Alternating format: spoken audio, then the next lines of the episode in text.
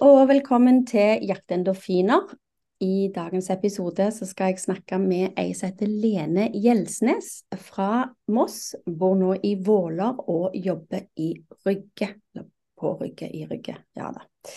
Eh, hun er fysioterapeut, og hun er òg yogalærer. Så det blir spennende å høre hennes eh, jakt på endorfiner, og, og ikke minst hvordan hun hjelper pasientene sine. Så velkommen, Lene. Tusen takk. Veldig koselig. Altså, jeg må si når jeg fikk, eh, fikk forespørsel om å være gjest, så var det jo veldig gøy. Og litt skummelt. Og overraskende. jeg har jo ganske ny, eh, ny eh, Instagram-profil, og det jeg har jo absolutt ikke noe ønske om å være synlig, selv om det nå blir det på Instagram. Så derfor var det litt sånn mange følelser. Men først og fremst veldig gøy. Ja, og heldigvis så, så, tror jeg ikke noen finner meg skummel, så dette her eh, kommer til å gå kjempefint. ja, tviler ikke. Ja. Um, jeg liker jo å høre litt eh, om gjestene, om hvordan de var når de var små. Var du av den aktive typen? Var du en stillesittende person som satt hjemme og så på glansbilder? Hvem var du når du var liten? Jeg likte glansbilder, faktisk. Samla på glansbilder. Men, men, jeg var nok veldig eh, aktiv. Jeg eh, begynte tidlig på turn. og hva heter det, Leikaringen, tror jeg det het. Noen oh. folkedans. Yeah. Men det var, da var, jeg, det var, da var jeg ganske liten. men og så var det håndball som blei det store fra jeg var uh, ni, tror jeg, til uh, rundt 20. Oi. Så jeg spilte håndball i mange år. Og så blei det ja, både håndball, løping, treningssenter. Det var vel det som var uh, i hele ungdomstida, i hvert fall. Ja, herlighet. Da mm. gikk du altså fra du begynte på skolen til du slutta på videregående, rett og slett på håndball. Mm. Mm. Var dere, eh, var, spilte du på noe høyt nivå, eller var det bare sånn uh, Nei, uh, nå husker jeg jo Altså, jeg slutta vel akkurat i det Jeg var vel kanskje med ett år på damelaget, eller så var det jo um, ungdomslag da, til man ja. var 19. Uh, husker jeg nesten ikke. Men så da spilte jeg på Tinnlund, et Sarpsborg-lag. ja. Eh, men jeg var nok litt der Jeg syns håndball var veldig, veldig gøy. Men uh, samtidig ikke så gøy at jeg hadde lyst til å gjøre det fem dager i uka. Så to dager i uka pluss kamp i helga var, liksom et, var nok håndball for meg, da. Fordi mm. jeg hadde mye annet jeg hadde lyst til å gjøre òg. Ja, og da syns jeg treningssenter var veldig gøy, og jeg syns kickboksing var veldig gøy. Jeg har ikke gått på kickboksing, men litt sånn sporadiske timer her og der. Og alt som var litt sånn action, egentlig, syns jeg mm. var veldig gøy. Og det der å, å kjenne at det hadde, det hadde, skjedd noe på trening. Du hadde mm. gjort noe ordentlig. Ja, det, ja det, det, var det som var trening for meg da. Hvis ikke jeg var mm. svett og andpusten hadde gitt alt, så var det på en måte ikke trening. Ja, ikke sant. Ja, det, det er gjerne sånn en periode. Da er det litt spennende å høre senere hvordan du har gått over til yoga, for det blir jo mm. Ja. Men eh, hvem var du i gymmen, da? Gym eh, var mitt favorittfag. Gym og matte. Ja. Så eh, jeg har alltid elska gym. Ballspill og løping og hopping og ja. Så det var, Så det var nok eh, et av mine beste fag. Ikke sant. Ja. Det var kjekt. Jeg syns gymmen var så kjekk, for det ble jo nesten som et langt friminutt. Det var jo mm. kult. Ja, ja. ja jeg, synes, jeg, jeg elska gym. Alltid, det var alltid favorittfaget mitt sammen med matte. Ja. Mm. Hva gjorde du etter videregående da? Da du, starta du rett på fysioterapiutdannelse? Da hadde jeg ett år uh, hvor jeg jobba. Mm -hmm. Og så starta jeg på fysioterapien etter det. Mm. Så da var det tre år i Oslo og turnustjeneste ett år i Kristiansand. Ja. Mm. Så da var det fire år da med, med turnustjenesten. Og så flytta jeg tilbake til eh, Moss. Eh, og da var det jo ingen jobber å søke på eh, hvis ikke jeg ville dratt til Nord-Norge.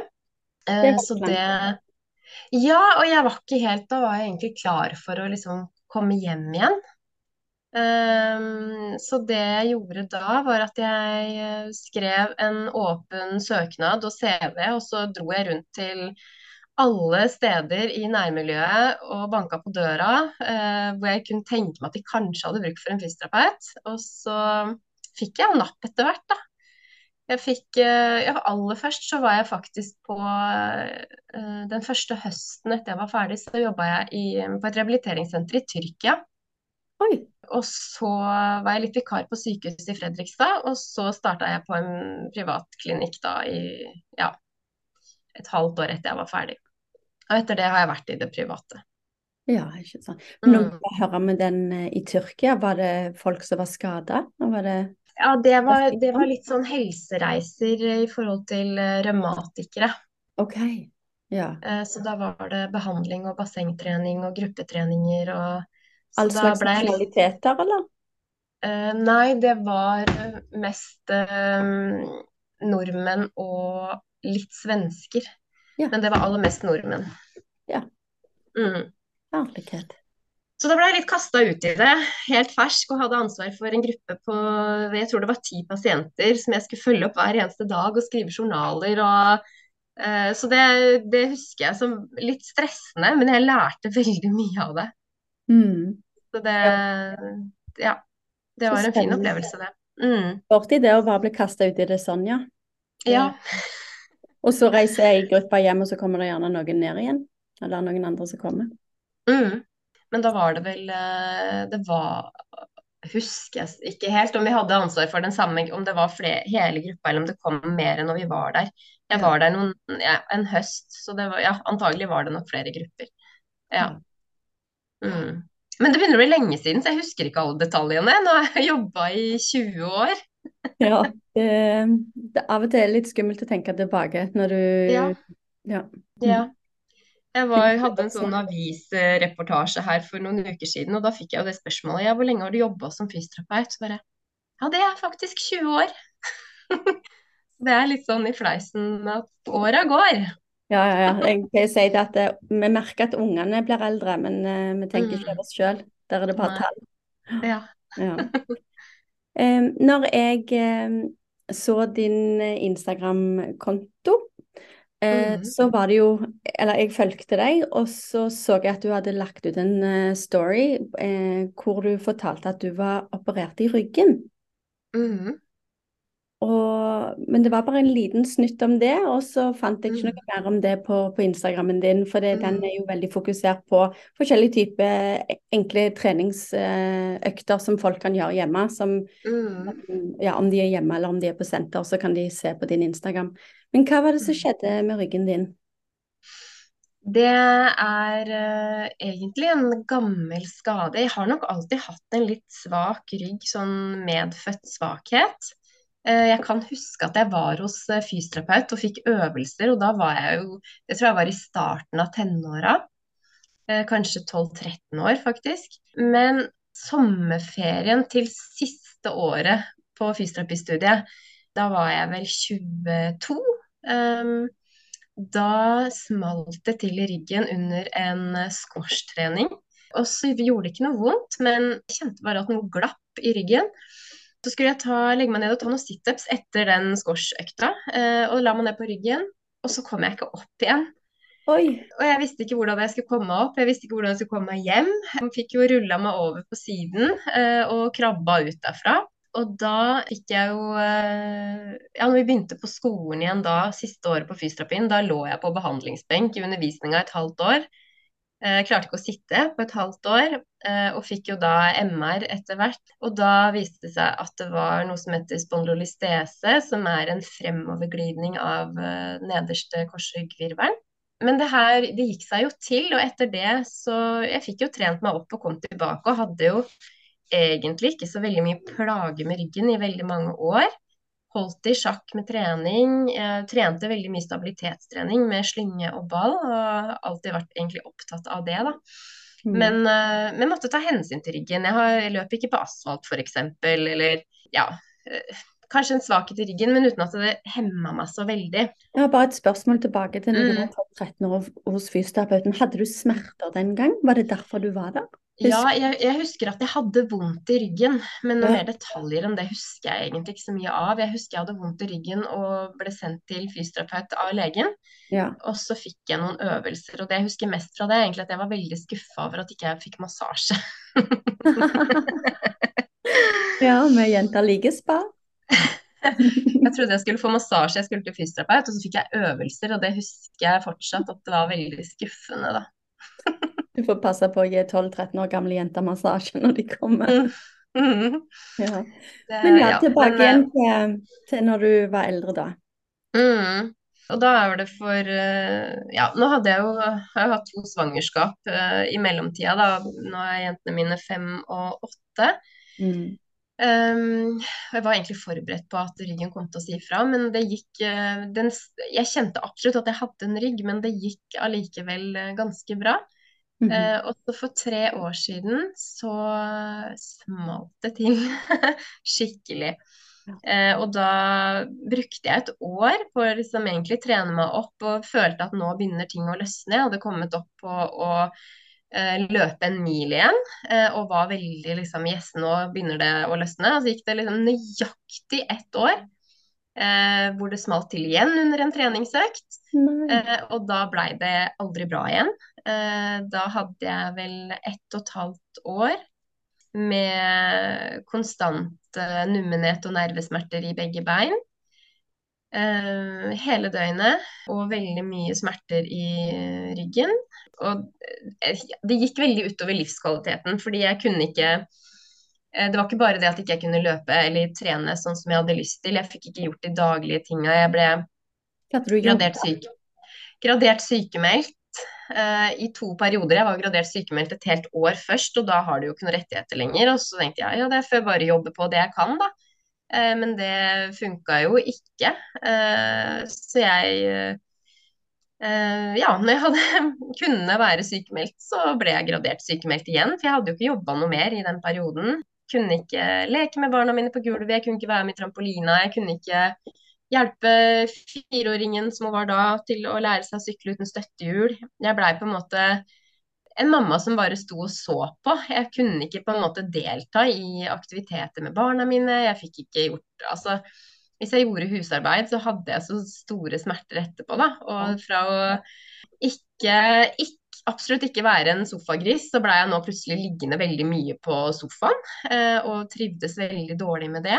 Og selv om det satt veldig langt inne, så spurte jeg da etter hvert om å få vurdering hos en ortoped. Fikk, eh, fikk vurdering av to forskjellige kirurger som egentlig sa det samme. At eh, det her er sånn du er, det her kommer ikke til å bli noe bedre. Så enten må du senke krava, eller så må du operere. Ja, da var det vel ikke så vanskelig å vite hva du Nei, skulle gjøre. Nei, det var egentlig ikke det. Det var, det var to store motivasjonsfaktorer for meg å bli bedre. Det var Én ting var å kunne løpe igjen. Mm. Eh, og den andre, enda viktigere, det var å kunne være sammen med barna mine på aktiviteter. Ja. Så det ja, og delta i ditt eget liv, egentlig. Altså bare Ja, se på absolutt. Ja. Det begynte, jeg begynte å kjenne veldig mye på at uh, livet besto av veldig mye begrensninger. Mm. Eh, og alt det jeg syntes var gøy, ble bare tatt bort, på en måte. Men du, måtte, du trengte ikke kjempe for å komme til det at du fikk velge operasjon hvis du ønska, eller måtte, var, måtte du Nei, og Nei, eh, egentlig ikke. De så jo eh, behovet på MR. Mhm. Um, og med symptomene jeg hadde, da, så var jeg jo, hva skal jeg si, heldig, i anførselstegn, som hadde så mye eh, symptomer i beina. Ja. Eh, fordi eh, hvis det på en måte bare er ryggsmerter, så kan det være vanskeligere å få operasjon, fordi prognosene er bedre for en vellykket operasjon hvis du også har symptomer i beina, da. Ja. Og det er jo det jeg kjenner nå også, ni måneder etter operasjon, er at eh, Nummenheten og nervesmerten i beina forsvant jo egentlig umiddelbart. Mens eh, det er jo ryggsmertene som, eh, som sitter der nå, som jeg føler at jeg kanskje er halvveis i rehabiliteringa på. Men var det forventa at du skulle ha den følelsen at du var halvveis? Eh, ja, de sier jo at det tar 6-12 måneder før det har grodd. Ok. Eh, Så det er jo en stor operasjon hvor det står et bur og fire skruer som holder på plass og skal stabilisere den her virvelen da, som er ustabil. Ja. Og det Ja, det tar lang tid før det gror, og det er jo gradvis eh, opptrening i den eh, perioden, da. Mm. Eh, men eh, ja, de sier egentlig ett år. Men eh, nå snakka jeg faktisk med en tidligere pasient av meg som etter tre mislykka mm, prolapsoperasjoner hadde endt med en avstivning, da, sånn som jeg har gjort. Ja. Eh, og hun sa at det tok to år før hun var glad for at hun hadde gjort det. Så Ok. Eh, for meg var det egentlig litt betryggende, for jeg tenker at hvis jeg ikke er i mål etter ett år, så har jeg fortsatt ett år til på meg. Mm. Hvis jeg bare nå hadde tre måneder til på meg før jeg liksom skulle være så bra som jeg kan bli, eh, da hadde jeg blitt stressa. Det, det er ganske herlig det der når du kjenner at du ikke er alene om en ting, Mm. at, noe, at du har til felles med noen andre, da, de har vært igjennom Mm. noe lignende. Det, det er en, en god trøst og, og gir Mm. håp. Mm. Mm. Absolutt. Så for min del var det ikke noe sånn å nei, tar det to år?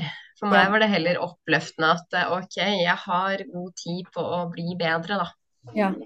Ja, for Mm. du, du får jo ikke gjort så mye som du vil, for det, du vil være mer aktiv enn det Mm. kroppen din tåler nå. Så det der å bygge Mm. opp forsiktig, hvordan starta du der? Um, Hadde du, hadde du fysioterapeut som fortalte deg, eller var det bare sånn nei, den fikser jeg sjøl, det Jeg trenger Uh, ja, begge deler. Jeg føler jo absolutt at jeg, jeg vet hva jeg skal gjøre. Mm. Uh, men samtidig så er det jo veldig godt å kunne være litt pasient sjøl òg. Og ikke ha på en måte hovedansvaret når man faktisk trenger hjelp sjøl. Får du massasje? nei, det gjør jeg ikke. Um, nei, det er opptrening, da. Når fysioterapeuten er så sær på det der. Um, um, jeg har jo tatt de oppfølgingene hos fysioterapeut på sykehuset, Ullevål sykehus, som jeg ble operert. Mhm. Og så har jeg, har jeg hatt et samarbeid kan jeg si, med en kollega av meg som uh, jobber veldig mye med rehabilitering. Og bare liksom OK, er, er du enig i programmet mitt? Ja, det er jo veldig Eh, fint å sparre. Ja. Mm. Så, men ellers så har jeg, jo- har jeg gjort jobben sjøl. Jeg, jeg har ikke gått til en fysioterapeut for å trene. Men uh, tatt, eh, jeg har eh, jeg har det meste av treningsutstyr eh, hjemme, eh, så jeg har liksom hatt tilgang på å gjøre litt ofte, da, som er min filosofi, som er nyttig, som jeg virkelig har fått eh, i fleisen sjøl å kjenne på nå. At uh, litt ofte er det som eh, må til. Fordi eh, jeg kan ikke jeg, i I starten, nå tåler jeg jo mer, da, men i, helt i starten etter operasjon så var det jo bare å tusle rundt i nabolaget. Da var kirurgene veldig sånn på eh, Ja, men nå, nå må du starte pent, kun korte turer. Og da var jeg sånn Hva er kort, da? Ja. Eh, ja, det er, det er maks ti minutter. Oi, ja, sant. Eh, og, da, men, men, og det var ti minutter i rusletempo, for jeg klarte ikke å strekke ut hofta, jeg klarte ikke å få noe fraspark. Det, det var virkelig rusletempo. Og den gata vi bor i, den er 600 meter lang, og den rusla jeg rundt tre ganger om dagen. Ja. Og så hvilte jeg fram til jentene kom hjem. Ja, ikke sant. Rusla rundt, og, men det er utrolig da, når man ikke skal bøye seg til gulvet, ikke løfte mer enn to kilo. Da blir man liksom bevisst på hvor mye man bøyer seg til gulvet med to små barn. Krabba rundt på alle fire for å hjelpe hun minste med å vaske seg i dusjen. Rulla rundt for å komme meg opp. man får det jo til, men eh, det koster jo mye da, når man har eh, mye smerter. Ja, og sikkert Mm. en del um, på humøret. Um, Mm. det, å, det må være tøft. Ja, Det, det jeg har kjent mest på humøret, som er litt sånn Kanskje litt sånn tøft å kjenne på, er hele tiden nedturer på ting som Jeg hadde en drøm om at Altså nå er det ni måneder siden operasjon. Jeg hadde en drøm om at jeg kunne begynne å jogge litt i sommer. Eh, og jeg spurte kirurgen er det liksom, er det helt urealistisk. Nei, det, altså, det funker for noen og for andre ikke, liksom. Så du må bare prøve. Mm. Så jeg var veldig optimistisk på det, men det har jo ikke funka så veldig bra. Jeg har begynt så vidt med litt sånn gå og løpe litt om hverandre, løpe mest i motbakke for ikke få så harde støt. Eh, men jeg må liksom hele tiden nedskalere det, fordi det er eh, så det er liksom tøft hele tiden å få i fleisen det der Nei, det var for mye. Ok, tilbake til scratch. Nå ble det tre vonde, mer vonde dager fordi nå gjorde jeg for mye. Ja. Og så begynner man på nytt, og så begynner man på nytt. Så jeg, jeg har kjent noen ganger på den derre OK, da er vi på rehabilitering igjen. Ja, ikke sant. så det er Nei. Ja, for de sier jo som regel sånn etter en løpeskade da, at du er egentlig ikke tilbake til start, du bare fortsetter der du slapp. Eh, mm. Du har et grunnlag, men, men, når du har mm. gått så lenge, så er det jo virkelig mm. tilbake til start. Ja, men det er det, og jeg kjente at tre måneder etter operasjon med Altså, jeg vil jo kalle det inaktivitet, fordi det, det var rusleturer. Det var på en måte Jeg skulle ikke begynne å trene noe spesifikke øvelser. Det var bare dagligdagse ting. Mm. Ikke ta ut av oppvaskmaskin, ikke for mye bøying. Tre måneder med så mye hvile. Hva det gjør med alt. Altså med kondisjon og med Altså, det var en skikkelig sånn uh, eye-opener, altså. Fordi jeg tenker så mange mennesker som er veldig lite i aktivitet da, over lang, lang tid. Jeg kjente hva det gjorde med meg i tre måneder. Så det, det er virkelig helt på scratch. Det, jeg ble andpusten av å bare gå. Så ja, det er skremmende hva det gjør med, med ja, fysisk helse. Mm. Ja, definitivt. Var det sånn da at du tenkte i sommer eh, etter noen løpeturer at du skulle være med på noe løp? Eh, ja, eh, jeg har Altså nå har jeg aldri egentlig vært så veldig sånn på å melde meg på løp. Jeg har bare løpt eh, ett løp, og det var Birken for noen år siden. Um, og, det, og jeg har vel egentlig aldri løpt så veldig langt heller. Jeg har på en måte bare Jeg har tatt mila mi i skogen uh, og vært fornøyd med det. Det har vært en sånn pauseaktivitet for meg. Ikke pause nødvendigvis at det, det, var lett å løpe, men en pause for hodet. Så det har vært, en, det har vært min form for meditasjon, egentlig. Og liksom bare tatt mila mi, og så har jeg vært, fått endorfinen og vært lykkelig og fornøyd med det. Mm. Uh, og selv om jeg er, um, er et konkurransemenneske, så har aldri løping vært det for meg. Eh, men jeg meldte meg på Birken og har løpt det én gang. Eh, og nå har jeg jo Hvor langt er Birken? Det er, det er halvmaraton terreng. Oh. Og jeg husker det, Så det er jo egentlig da 21 km. Og jeg husker akkurat det året så hadde det vært så mye nedbør, så de hadde lagt om løypa litt, så det var 23 km. Oh. Uh, og jeg hadde vel eh, altså aldri løpt mer enn 14, kanskje. Mm -hmm. Så, så jeg, men det, jeg kom meg jo gjennom, og det gikk jo greit. Eh, mm. Og det var jo veldig gøy. Og alle de bakkene jeg hadde tenkt å gå i, der sto det jo folk og heia på deg, så du kunne jo ikke gå der heller. så, det, det, var Jeg var så støl at jeg eh, klarte jo ikke å gå normalt på en uke etterpå, men mm. Eh, men var det verdt det? Ja, definitivt. Og, og, jeg har egentlig tenkt helt siden det at jeg har lyst til å melde meg på løp igjen. Mm. Eh, men så har ryggen vært så kranglete, så den har ikke tålt det. Mm. Eh, så jeg hadde jo en drøm om da å som jeg sa, begynne å løpe litt i sommer igjen, når det ikke Eh, funka så bra som jeg hadde drømt om, eh, så har det løpsmålet mitt endra seg litt. da, For jeg hadde lyst til å løpe Birken 24, men nå blir det Birken 25. Ja. Eh, så tenker jeg at det bør være realistisk. Mm. Ja, og du får en veldig fin og sakte oppbygging, sånn som du mm.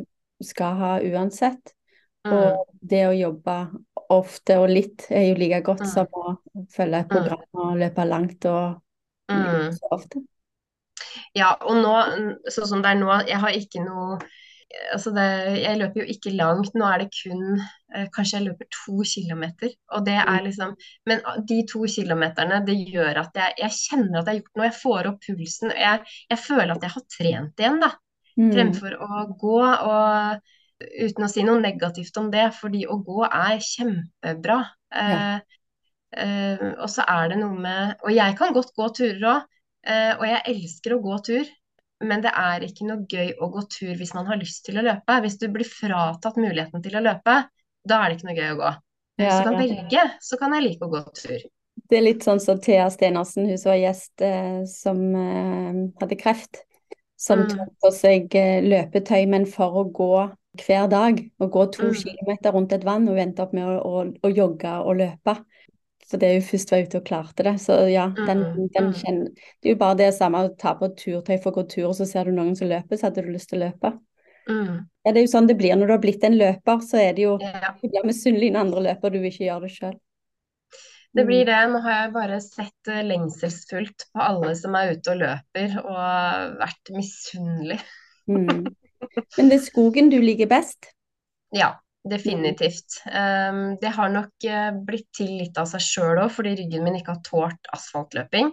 Mm. Så, og helst ikke grus heller. Så, så mye ordentlig skog og terreng og mykt underlag. Yeah. Um, det Og så er det litt med Jeg er ikke tålmodig nok, tror jeg, til å løpe på asfalt. Fordi i skogen så er det Du vet liksom aldri hva som venter deg rundt neste hjørne.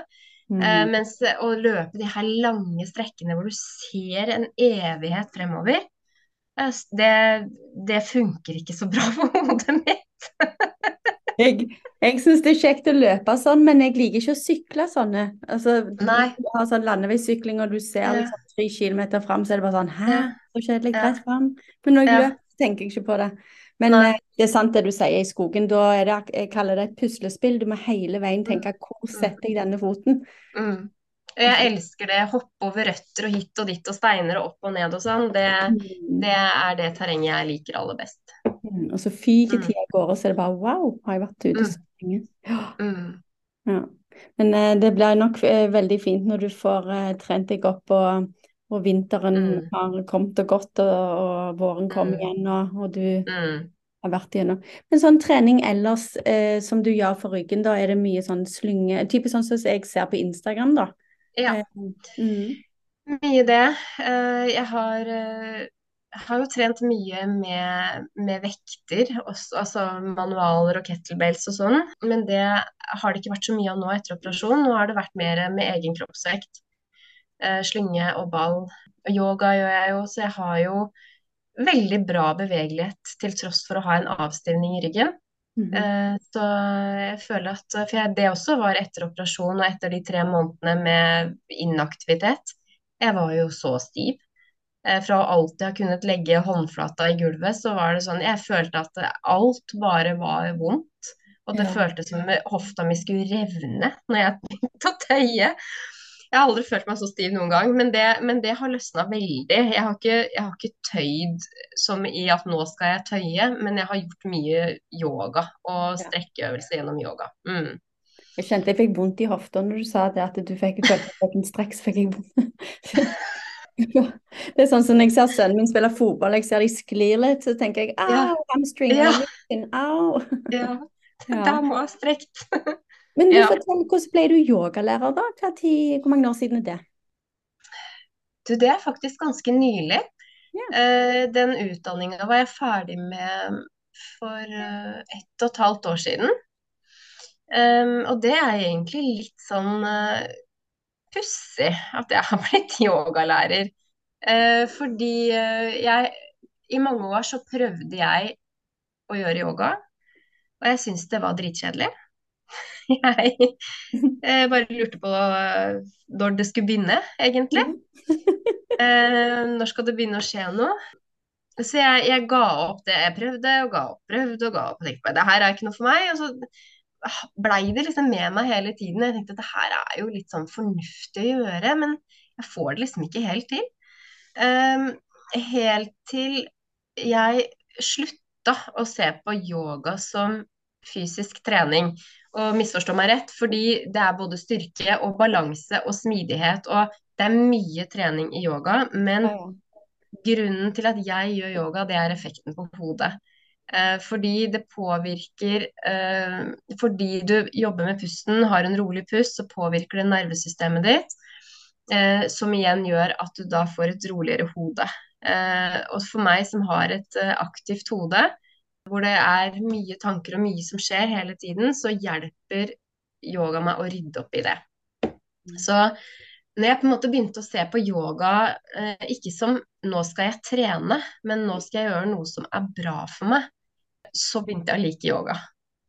Så, og så ble det egentlig litt sånn i den her uh, ryggtida mi de siste tre åra, hvor jeg kjente at uh, nå har jeg så mye tid hvor jeg ligger på sofaen. Jeg kan jo like så godt gjøre noe fornuftig. Og da begynte jeg å studere teorien bak yoga, da. Mm -hmm. så da, da, tok jeg den utdanninga egentlig midt oppi alt ryggreiene. Det var vel gjerne covid òg, hvis det var tre år? Det var det også. Det var det mm. også. Så vi var, vi var, en liten Vi hadde fysiske kurs, eh, fysiske møter, men det var eh, en liten, en liten gruppe, da. Vi tror vi var bare ti stykker eller noe sånt. Så det Ja, det Altså, jeg var jo Det var mye jeg ikke kunne gjøre eh, når jeg var på de samlingene. Men, eh, men, da lærte jeg også mye forhold til å tilrettelegge, da. Og det er ikke så fjernt egentlig fra jobben som fysioterapeut. Det er jo veldig mye av det jeg har brukt i alle år, men med kanskje et litt annet språk. Eh, med litt andre øyne. Så mm. det er en veldig, veldig god kombinasjon. Mm. Så nå er jo mitt, min mission er jo nå å få yoga ut til oss vanlige folk, da. Som ikke nødvendigvis handler om å stå på hodet eller gjøre akrobatikk eller legge beina bak på nakken. Men rett og slett de her gode yogaøvelsene som gjør at du får roa ned pusten og roa ned hodet. Og yoga er for alle. Du trenger ikke å være myk for å være med på yoga. Nei, ja, jeg er ikke den som har Jeg har aldri lagt håndflata i bakken, for å si det sånn. Eh, Nei. Men eh, tror du da, eh, når du starta med yoga de første gangene, at det var gjerne pusten du ikke fikk til, så derfor fikk du ikke roa deg ned? Det kan godt hende. Ja, for det var sånn for meg. Jeg gikk ja. eh, sikkert eh, Jeg gikk ikke jevnlig nok til å kunne forstå eller huske igjen. Eh, mm. Og ikke minst det der at det var inne på et eh, treningsstudio en stor ja. kjede. Og du ja. hører dunk, dunk, dunk i bakgrunnen og litt sånn. Men der jeg trener nå, er det mye roligere. Mm. Eh, og det, ja, det, er en, mm. en boble å komme inn i. Og så vil du helst ikke ut av bobla etterpå. Mm. Det er liksom Når du har vært på spa og fått massasje, så bør du ikke gå på fest etterpå. Da kan det være deilig å bare slappe av. Ja.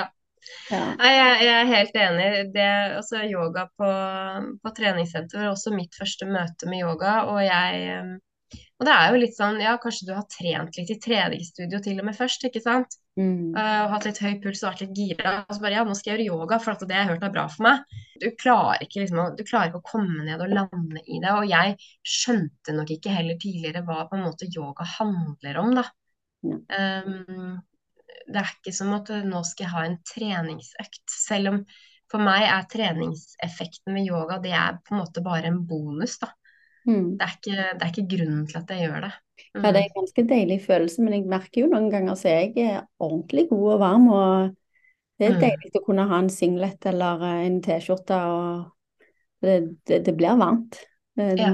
Mye fokus på skifting, og bare det gjør deg jo. Kan gjøre deg mm. Ja, og ikke minst statiske øvelser. Da. Nå driver jeg mm. med en, en yogaform som heter hatha-yoga. og det det er en rolig yogaform hvor du holder posisjonene i kanskje rundt fem pust, noen ganger mer og noen ganger mindre. Men, men det å jobbe statisk og på en måte ha kobla på så mye av muskulaturen på en gang, da, mm. det også blir man veldig varm av. Ja. Jeg var kom på når jeg hadde også sett på Instagrammen din at du hadde eh, kurs, eh, og det er vel gjerne yoga for, for de med utmattelse, ME og fatigue. Mm, mm. Sånn, som skal Er lavterskelkurset det noe du har uh, over internett òg, eller er det videoer du sender, eller? Nei, det, det blir et fysisk uh, kurs okay. uh, her hvor jeg jobber. Og det blir et helt nytt kurs, rett og slett fordi nå har jeg hatt jeg hadde et par pasienter nå nylig som hadde, eller har, kraftig utmattelse og fatigue. Mm. og de var veldig interessert i yoga, og så slo det meg at uh, Men det blir faktisk for tøft. De yogakursene, selv om mine yogakurs er lavterskel og er nybegynnerkurs, og det er for helt vanlige folk, så tenkte jeg det er allikevel for tøft da, for en som virkelig har fatigue, hvor du har nok med å bare stå opp og ordne deg klar for dagen. Og da begynte jeg å spinne litt rundt på det, og så tenkte jeg at vi må faktisk sette opp et eget kurs for, for denne gruppen, da. Som Mm. er tilpassa det behovet. Og det, det blir jo en enda roligere time med veldig mye fokus på pust, på tilstedeværelse. Eh, og også litt sånn mindset, eh, kunnskap da, på hvordan du kan styre fokuset ditt. Så det, det gleder jeg meg veldig til. Det tror jeg blir kjempebra. Og det er jo, selv om man alltid har rom for at man kan gjøre sitt eget løp i en yogatime, trenger du en pause, så tar du en pause, så blir det på en måte enda mer hva skal jeg si, kanskje akseptert da, i en sånn gruppe. At uh, akkurat nå er det nok, nå legger jeg meg ned og bare puster litt, og så blir jeg med når jeg orker. Og det tenker Ja, det jeg bare veldig det der eh, hvis der er, eller for de som melder seg på det kurset, da, så er det nok Mm, det der med at de treffer noen som har det ganske likt. mm, mm, Og jeg er ikke alene. Mm, Det, det er det når du har en sykdom eller en skade eller eh, mm, en eller annen diagnose, og du føler deg alene. Du blir jo gjerne litt nedstemt, da. mm. Ja, og det er ikke noe god følelse, og det har jeg kjent på sjøl òg. Eh, det å være med i en gruppe og hele tiden Nei, det kan jeg ikke gjøre, for det er vondt, eller det kan jeg ikke gjøre, eller det du hele tiden gjennom en time kjenner på dine egne begrensninger. Da Mm. blir det heller at du tar deg sammen, og så betaler du prisen for det etterpå. Mm. Eh, så jeg tenker det er så viktig å ha, ha den, det rommet da, for å kunne, kunne kjøre sitt eget løp, selv om man har tilhørigheten i en gruppe. Ja. Eh, det så det har man ikke noe konkurranse inn i det rommet. Nei, det er ikke det. Og det, og det også er en annen ting jeg er veldig opptatt av med yoga. At det, det å være myk, eller det å gjøre liksom avanserte ting, det definerer ikke om du er god eller dårlig i yoga. Det handler om at du skal ha din egen reise med din kropp, det som føles bra for deg. Eh, Være til stede i det som skjer med både pusten og kroppen din. Og klarer du det, da er du god i yoga. Mm. Eh, Og da kan du godt bare sitte og puste. Ja. Eh, Det handler ikke om det du gjør. Nei, det merker jeg stor forskjell på når jeg har, har tatt yogatimer framfor hvis jeg har sånn styrke i sal-time. Mm, For da når jeg har styrke i sal-time, da kan jeg av og til bli litt sånn at jeg skal iallfall uh, løfte like mye som noen andre, eller jeg Ja. ut et menneske, ja, hun var jo sikkert ti år eldre enn meg, jeg skal være sterkere enn henne. Altså, Mm. for da kan jeg mm, litt sånn. Jeg var iallfall veldig det før. Husker spesielt en time det var ei dame som hadde lagt sertifikatet sitt ganske nærme der jeg hadde en sånn steppkasse som jeg Mm. brukte for å ta dips på. Og da prøvde vi jeg å se hvor gammel hun var. Mm, Hun var jo veldig sprek. Men mm, slutten av timen endte det heller med at jeg gikk bort og sa til henne at vet du hva, jeg eh, går ut ifra at du er en del eldre enn meg, men du, du er et mål å nå, for du er jamsprek. Hun var så Mm. sterk og kul, og mm. jeg er jo selvfølgelig veldig glad for å høre det, da. Men eh, Ja. det motiverer jo til at jeg, jeg skulle gjerne blitt sånn som henne. Eh, nå har jeg Mm. gått forbi den alderen allerede. er år siden. Ja. Og, det, og man kan jo godt bruke det som en eh, motivasjon, men jeg tenker når man bruker det som en motivasjon, da er man allerede ganske mm, hva skal jeg si, godt trent, da. At man kan på en måte pushe på litt. Mm. Eh, men hvis du allerede er der at du kjenner på veldig mange begrensninger, så er det bare demotiverende, for det er enda en ting du ikke får til. Å ja, ja, ja. Eh, så det er um, Nei, så jeg, jeg tror det blir veldig, veldig bra og spennende. Og det har vært eh, Nå har jeg egentlig bare posta det på sosiale medier med det kurset, men det har vært mange som er interessert og har sendt meg meldinger. Så, så vi starter om eh, to uker. Spennende. Mm. Og da Mm. gleder jeg meg til å se oppdateringer på Instagram hvis du legger ut et eller annet om eh, Mm. hvordan det har vært. Ikke at du Mm. trenger å filme salen, men bare det der å høre det blir Mm. spennende. Mm. Det som du òg har, eh, som jeg har plukka opp på Instagram, er eh, det med å ha et lite daglig program bør gjøre noe. Eh, Mm. du skriver på Instagram eh, litt er bedre enn ingenting. Eh, det å gjøre ti minutter, eh, en liten øvelse eh, eller et par øvelser, og, og bruke ti minutter dagen for å få gjort litt, Mm. det likte jeg veldig godt. Ta, ta lavterskel. Hva var det du har skrevet om lavterskel? Eh, Legg terskelen så lav at du kommer over. ja. Ja. Og det òg er jo opp til hver enkelt person. Ja, Mm. absolutt. Og det er um, Ja, eh, lavterskel for én trenger jo ikke å være lavterskel for en annen. Mm. Eh, fordi lavterskel kan jo være ti minutter trening hjemme på stuegulvet. Men hvis de ti minuttene består av burpees, eh, pushups og situps, så er det ikke sikkert at det er lavterskel for en som ikke har trent, da. Mm. Eh, Du kan ikke bare guffe på og gjøre hoppende utfall og hoppende knebøy og alt det her høyintensitet eh, hvis du ikke har trent på 10 år, 20 år eller aldri gjort det. Mm. Eh, da må vi starte der hvor Altså det jeg er opptatt av, er å starte lavt nok da, til at du vet at du mestrer det. fordi hvis du mestrer det, så er det mye større sannsynlighet for at du gjør det igjen. Mm. Og så er det noe med å gjøre Det nytter da, å gjøre litt ofte. Eh, hvis du tar fem minutter eller ti minutter og gjør det ofte, så blir summen veldig bra. Men du går glipp av de ti minuttene hver dag hvis du liksom bare ligger på sofaen eller dropper det helt, da. Mm. Eh, og det har eh, Du får resultater på å gjøre det. Eh, og nå er jo eh, anbefalingene ikke nødvendigvis at du må ha den daglige dosen aktivitet sammenhengende heller. Før var det sånn at du må ha eh, 20 minutter, eh, i hvert fall medium til høy intensitet aktivitet for at det skal ha effekt på helsa di. Men, eh, men nå kan du ha eh, 20 minutter delt opp i løpet av dagen. Du kan gå 10 minutter tur eh, i et tempo som gjør at du får opp pulsen og blir litt varm. eh, og gjøre 10 minutter øvelser eller 5 minutter øvelser og sjauing ute i hagen. Altså bare bruk kroppen litt i 20 minutter om dagen. Mm. Eh, så er du på en måte i hvert fall oppe på det nivået hvor det har effekt for helsa di. Det kan liksom lures inn på forskjellige måter. For de som har Mm. barn eller, eller barnebarn, så er det bare litt lek med de, da, med bevegelse. Så er jo det i, under noen minutter. Vær med på leken. Mm. Altså følg, et barn, så får du deg en eh, god økt. Ja, da er Hermeleken på lekeplassen, eksempel. Når du er med ungene eller barnebarn, Ja. da, Ja. Det blir det god økt. Ja, da vet jeg ikke om du holder, holder økta ut en gang. Du tar på stoppeklokka sånn at det stopper etter ti minutter. Ja. Ja, jeg husker, jeg, det, jeg husker det når vi var på lekeplassen ungene var små. Det er litt greit at vi var to foreldre da, for da kunne vi bytte litt på, for det ble jo ut. Ja. Ja. Altså, de, de er jo så aktive, og mange, mange barn har jo de her eh, klokkene som man kan ringe til, og de er det jo også skritteller på. Eh, så hvis man sjekker, eh, sjekker skritt, hvor mange skritt et barn har gått i løpet av en dag, så ja, det er jo ofte mellom 20 000 og 30 000 på en helt vanlig dag.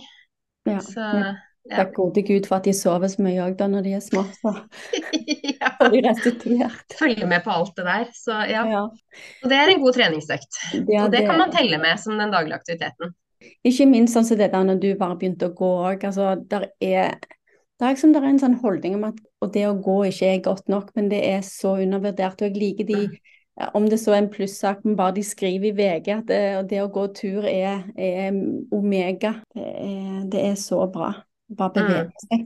Jeg merker òg bare sånn eh, de gangene jeg har hatt noe vondter pga. kontor. Sant? Jeg har alltid jobba Mm. foran PC, men bare det å gå tur da, det er med å løsne godt opp, altså. Mm. Ja, det er det. Og du, du får jo både det aspektet hvor du beveger kroppen, og så Mm. får du frisk luft. Eh, du får, altså har du, går du i naturen, så får du på en måte naturen og det i tillegg. Så det, Ja. det er jo godt for både kroppen og hodet. Ja. Eh, og det er jo kanskje når man tenker at man orker det minst, at man trenger det mest, da. Så det, det er jo noe med å der igjen, da, legge terskelen lavt nok. Altså, bare ta på deg skoa og begynn å rusle. Trenger ikke å ha Mm. noe tempo. Enten så fortsetter du bare å rusle, for hvis det er det du orker, og Mm. noen ganger så løsner det, så kjenner du at du har litt mer å gi allikevel. Mm. Fordi ja, det er- litt, eller ja, Mm. strø til litt i en oppoverbakke eller noe, bare for å kjenne Mm. at du blir litt tung i pusten. Mm. Mm. For det å være, være sliten i hodet, da det, altså, Du kan jo føle at du er helt utslitt, men hvis det på en måte bare er i hodet, så vil det løsne når du er i aktivitet. Ja. Eh, da vil kroppen allikevel kunne orke ganske mye, og så føler du deg 100 ganger bedre når du kommer hjem. Du angrer jo aldri etterpå. Nei, det merka noen ganger eh, Jeg eh, var sykemeldt eh, for noen år siden, og da merka jeg hvis jeg på en fredag rett etter middag gikk tur med mannen min, så var jo den fredagen, fredagskvelden så mye herligere. Ja. Du setter deg ned i sofaen for Eller om det var lørdagen, ikke sant, du skulle se på et eller annet og hadde kjøpt en lørdagsgodte og altså frisk luft, og spesielt ute i naturen. Du føler jo Ja. at eh, alle de store problemene har blitt gjerne bitte litt mindre av og til. Det er iallfall følelsen. Definitivt. Og det er, da er det man liksom kan ligge på sofaen med så god samvittighet og være fornøyd med seg sjøl, og både kroppen og hodet har det bedre. Så det, og det er eh, ikke så mye som skal til for å på en måte få den følelsen, da.